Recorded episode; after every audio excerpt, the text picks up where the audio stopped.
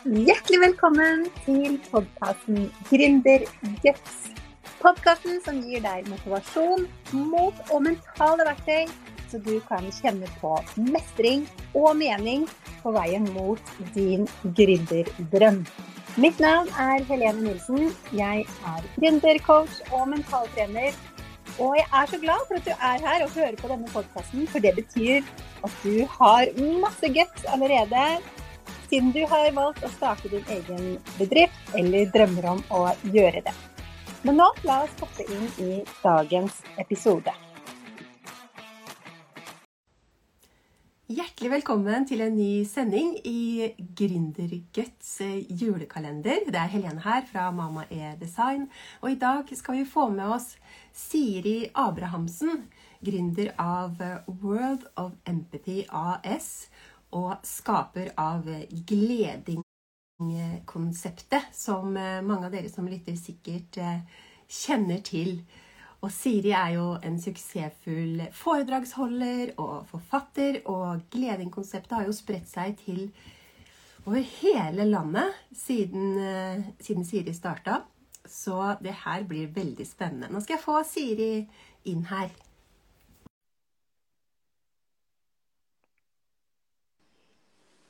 Hei, Siri. Hei!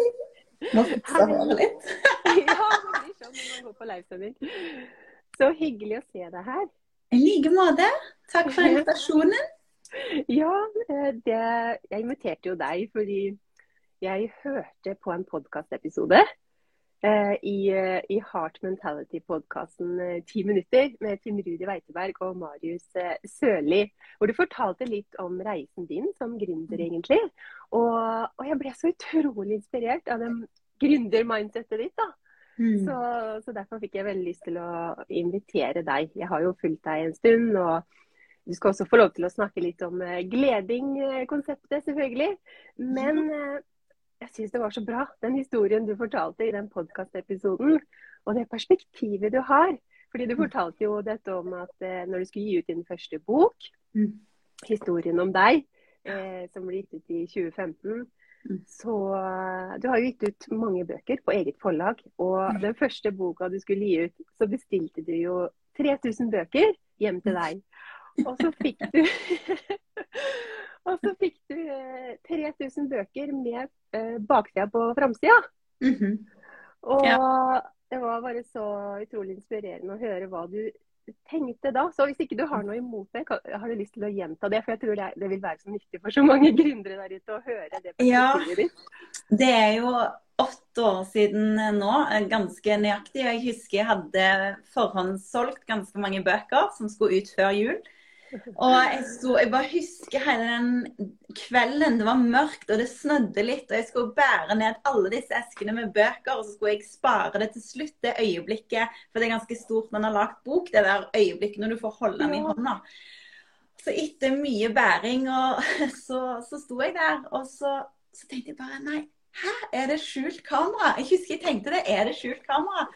Ja. Vi hadde jobb, altså På dette coveret så var det litt sånn Det var noe gull som lå litt oppå, som hadde jobbet veldig mye med at det skulle gå riktig i produksjonen og sånn.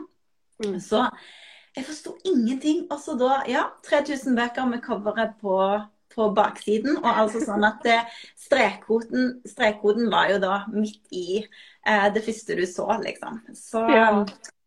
Så jeg tenkte ja, ja, da får vi bare gjøre det beste ut av det og fikse alle de bøkene som er solgt. Og så får vi, får vi fikse dette seinere. Ja. Men det var jo utrolig, sant? for han hadde lest korrektur og vært så nøye på punktum, og at alt skulle være riktig skrevet og sånn. Og så liksom det viktigste av alt har gått helt feil. Det var bare sånn veldig rart at det kunne skje. Ja. Ja, det, jeg tror alle som eh, driver eh, med noe som helst, egentlig, som skaper noe, da kan kjenne seg igjen i at det, eller kan tenke seg at det må være en eh, ganske frustrerende situasjon å være i. Men, men du takla det jo veldig fint. da, og hva, hva gjør at du takler sånne situasjoner så bra? Altså, Først og fremst hadde jeg, har jeg en fantastisk samarbeidspartner som var produsent på boken. og Han hjalp meg, han heter Dan Cato Olsson, så han har hjulpet meg fra dag én med å få orden og gjort det mulig for meg egentlig å starte eget forlag. Så um, jeg vil takke han for det. Um, så jeg tenker det er jo viktig å ha, ha gode folk rundt. Um, og så tror jeg for meg så var det sånn OK, ja vel, da skjedde det. Da får vi lære av det. Neste gang så må jeg ikke bli så opptatt av detaljene, så må jeg huske å se det store bildet. Um, og så ble jo det en suksess. Jeg har solgt 12 000-15 000 av den historien om deg i boken. Sånn at um, det går jo over. Sant? Og jeg tror det er noe med de perspektivene jeg har, at vi bor i et land der det er så mange muligheter, og der vi har en trygghet som er Den er så spesiell. Den, det er som å, jeg påstår at det er som å leve i ei boble. Eh, altså, the real world der ute har så ja, mange steder da, mye mindre støtte, mye mindre muligheter. Så om vi lager en bok det, som kommer feil vei, eller om vi eh, lager et event, og så dukker det ikke opp et eneste menneske, altså, er det et så veldig stort problem, egentlig? Mm. Da får vi lage et nytt event, eller vi får lage en ny bok, eller det er noe med å, å tenke at er dette egentlig verdens undergang? Sannsynligvis så er det ikke det. Og da, det eneste som, som er feil, er jo å gi opp tenker jeg. Og det er jo en klisjé, men allikevel det å liksom ta den gründer eh, Ta alle de grunnene til at en starter noe, da. Og virkelig dyrke de og vite at ja, det er viktig å ha mål og sånn, men det å bli litt forelska i prosessen tror jeg er kjempeviktig. Og òg mm. akseptere at OK, nå er jeg i denne fasen. Eh, på denne fasen vil ta slutt en gang, så vil det komme en ny fase. Og det å virkelig på en måte bare si at vet du hva, jeg er, um, jeg er hengiven til dette, dette vil jeg gjøre, dette skal jeg skape. Men akkurat hvilke trappetrinn jeg må trø først, det er ikke alltid jeg vet det. Så jeg tror det er noe med det å akseptere at det er som det er, og òg vite at uh, vi kan ikke kontrollere alt. Og ja. Mm. Det traff meg veldig da når du, når du snakka om dette med å se det litt store bildet og se det i et større perspektiv. fordi eh, jeg har jo en mann fra Tanzania, og jeg traff mm. han eh, der. Så han har jo flytta til Norge. Og når vi bor, eller når vi er på, på ferie i Tanzania, så det er riktignok en del år siden nå, da. Så, mm. så, er jeg bare så takknemlig, både når jeg er der, fordi der er mennesker generelt mye mer takknemlige for liksom de små tinga som, som, vi tar for gitt uh, her i Norge. Mm. Og også når jeg kommer tilbake til Norge, så er det sånn vi har, vi har, rent vann. Vi kan gå til springen og ta rent vann derfra, liksom.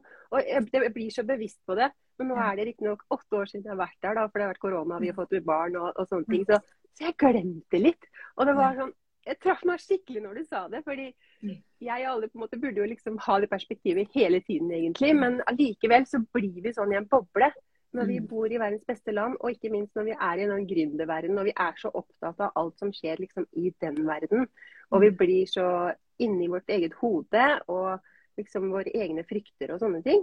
Mm. Men jeg lurer på, er det liksom, tenker du alltid sånn, eller du, kjenner du også på frykt og usikkerhet? Ja, ja. Og... Absolutt. Alt ja. sammen. og, og, nå har jeg jo holdt på i åtte år. Um, og jeg vil jo si at uh, um, i starten så prøvde jeg sikkert å, å planlegge og, og, være veldig sånn målretta. Eh, og jeg skulle nå sånn og sånn. Og... Mm. Men så tror jeg jeg har lært så mye, da. Eh, og sett at eh, ja, Hva skal jeg si? Eh, for meg har det aldri vært noe plan B. Jeg har aldri tenkt at nå gir jeg dette noen år, og hvis det ikke går bra, så gjør jeg noe annet. Så det ser jeg òg på de åtte årene så det er veldig mange som jeg starter opp samtidig med, som har falt fra. Eh, kanskje fordi at de fant ut at dette var ikke noe jeg egentlig hadde lyst til. Eller det var gøy for et år eller to, men nå vil jeg gjøre noe annet. Og det er jo helt fint. Men for meg så er dette livet mitt. Dette, jeg, jeg er så oppslukt og dedikert i det jeg gjør, at eh, for meg er det sånn OK, nå lukter den døra seg. Greit, da må jeg finne en annen dør. Og som jeg òg delte på Instagram, det å få medieoppmerksomhet f.eks. Det å få innlegg i avisen, det å få, eh, ja, å få hjelp der utenfra. Jo, jeg får jo veldig mange nei for hvert ja. Mm. Og det da å vite at OK, den strategien fungerte ikke, men da er jeg litt nærmere den strategien som kommer til å funke. Litt det som, som Anja, Marius og Tim Rudi snakker mye om med denne her mm. steinen. ikke sant? Og, mm. og, det der at eh, Jeg har også skrevet en barnebok som heter 'Feiling'. Og det handler jo òg om at sant, vi øver og prøver, vi feiler og vi lærer. Um, og så tenker jeg at for hver gang jeg får motstand, som er ganske ofte, ja. så blir jeg litt sterkere. Og um, når jeg tør å si ja til oppdrag som jeg tenker at wow, kommer det til å gå bra? Så bare hopper jeg i det. Og så tenker jeg det kommer sikkert til å gå bra, det. og hvis det ikke går bra, så har jeg i hvert fall liksom, trent meg på å tåle situasjonen. Så jeg tror jeg har en tilnærming til motstand, til ubehag. Jeg oppsøker det, ikke sant. For jeg vet at Eller det er dumt å si, ikke sant, for det er sant for meg. At jeg oppsøker det som ubehagelig for å utvide min egen kapasitet. Og jeg eh, tåler veldig mye ubehag. Og det har jeg trent på. At jeg har trent på at OK, nå er jeg kjempenervøs, eller nå, nå skyter jeg skikkelig høyt. Eh, men det går fint. så, så, jeg tror jeg er litt heldig med hvordan jeg er skrudd sammen òg, for jeg har, veldig lite Jeg bekymrer meg lite. Jeg tenker at eh, hva er det verste som kan skje? Eh, og så tenker jeg at uansett hva som skjer, så lærer jeg noe. Ja. Men det tenker jeg jo alle kan trene på, da, egentlig. Mm. Nesten mm. uansett utgangspunkt så, så, er det jo mulig å trene ja. på disse tingene. Og det, det, viser jo du også at du har trent, trent mye på, at det, har en effekt. da. Men kan du ikke bare forklare eller fortelle litt eh, altså Du har nå holdt på i åtte år, og Gleding-universet er jo blitt kjempestort. Eh, Eh, kan ikke bare fortelle, hvis du klarer, litt sånn kort eh, om hva, hva består egentlig Gleding-universet av nå?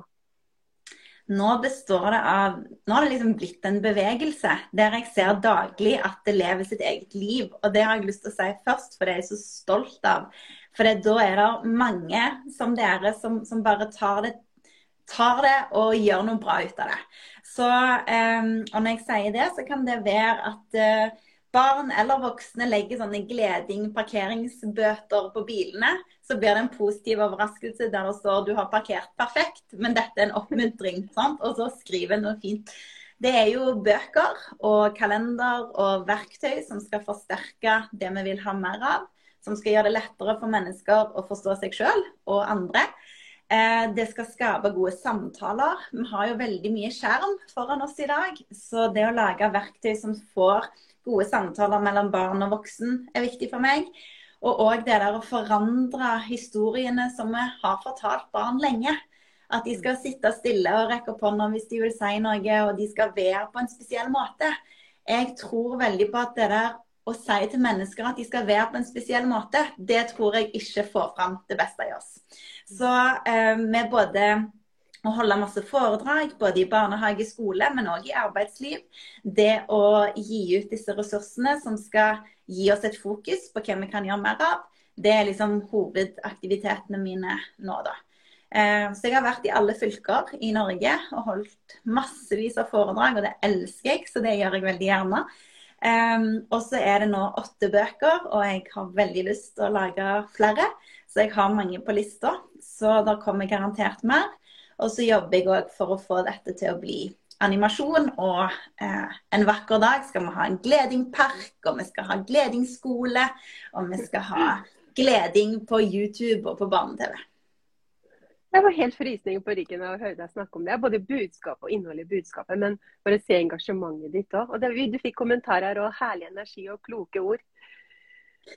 Men så du for deg eh, alt dette da du starta på når dere satt eh, hjemme rundt bordet og snakka med Du har jo tre sønner, og dere snakka om dette med mobbing, og at, eh, at, gleding kunne være på en måte det motsatte av mobbing. da, Og den ideen som starta der, så du for deg det da? At det kunne bli til dette? Nei, altså akkurat da så tenkte jeg bare gleding for et fantastisk ord. Og jeg er så glad for at det kom fra et barn. Eh, mm. for det er, sånn, det er, ikke jeg som har sittet og prøvd å lage en god markedsstrategi og så finne det beste ordet eller navnet. Det bare kom eh, mm. som et svar. Så jeg har nok alltid hatt store drømmer. Det har jeg. Eh, har sett opp til Oprah Winfrey og vært åpen om det. alltid. Eh, og jeg har alltid likt å være steder der det er mennesker fra hele verden. For å liksom finne ut hva det er vi har til felles, alle sammen. Hvis vi kan se mer på likhetene våre mer enn det som separerer oss, så tror jeg vi får en mye bedre verden. da. Så jeg har nok hatt en drøm om å få kunne bidra til det, og kunne skape en mer empatisk verden. Men hvordan liksom, veien dit er, og hvordan den er framover, det er jo mer sånn mer interessert og litt sånn fascinert av å se hvordan blir dette til. Og mm. akkurat i disse dager så jobber jeg med å oversette nettsidene til engelsk. Og eh, fra 2023 så kommer vi til å kommunisere mye på engelsk. For jeg tenker at vi kan ikke begrense gleding til fem millioner mennesker. Vi må nå da en milliard som kan engelsk i verden. Og så husker jeg jeg tenkte sånn åh ja, men jeg er jo norsk, så jeg, jeg har jo ikke engelsk som morsmål. Og det begrenser jo litt når en vil lage noe stort. Men så fikk jeg en god motbevisning der, da. Når jeg så Marie Kondo på Netflix. Og hun snakker faktisk ikke engelsk. Hun har med seg en oversetter. Og allikevel så har mm. Marie Kondo klart å skape en global ryddebevegelse. Ikke sant? Mm, mm, ja. Eh, og hun snakker bare japansk. Så jeg, så jeg syns det er kult da i denne um, si, i denne prosessen å få motbevise mine egne begrensninger og se at vet du hva, um, ja, en kan få til det en vil hvis en virkelig står på og er klar for å um, hva heter det, ofre det som må ofres, og kjenne at en aldri stopper, men en bare fortsetter og fortsetter. Og selvfølgelig lære underveis.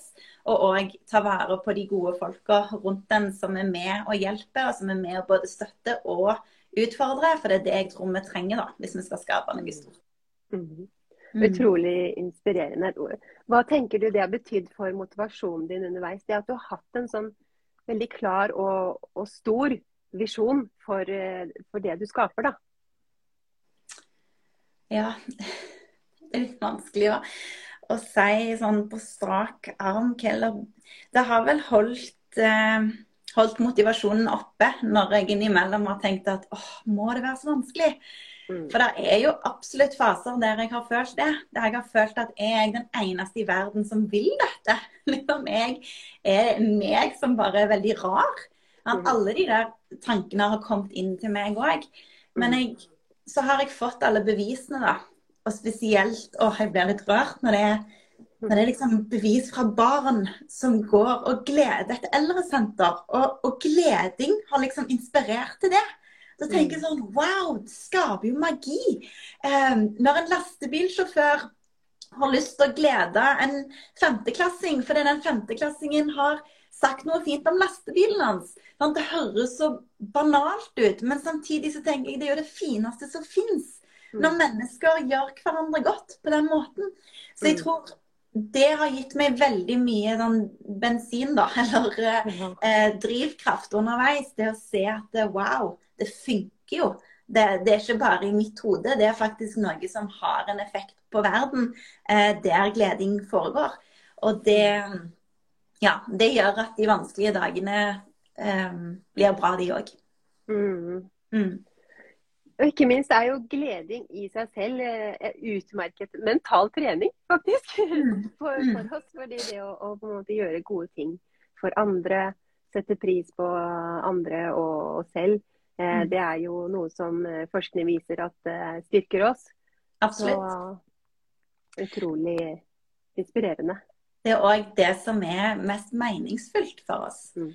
Eh, og en viser òg at hvis du får penger Eh, en, en, pengegave av noen, hvis du bruker den på deg sjøl, eh, eller om du bruker den på andre, så måler de lykkenivået da, senere på dagen. Og de mm. som har brukt pengene på noen andre, scorer høyere på lykkefølelse.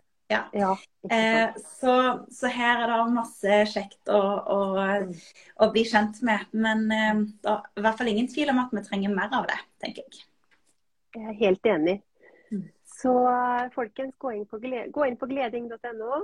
Og, mm. og, følg uh, Siri Abrahamsen eller gleding.no. Du har jo to forskjellige kontoer på, på Instagram. Kan jo Må gjerne følge gleding. Følge begge. Eh, ja, gleding, ja. ja.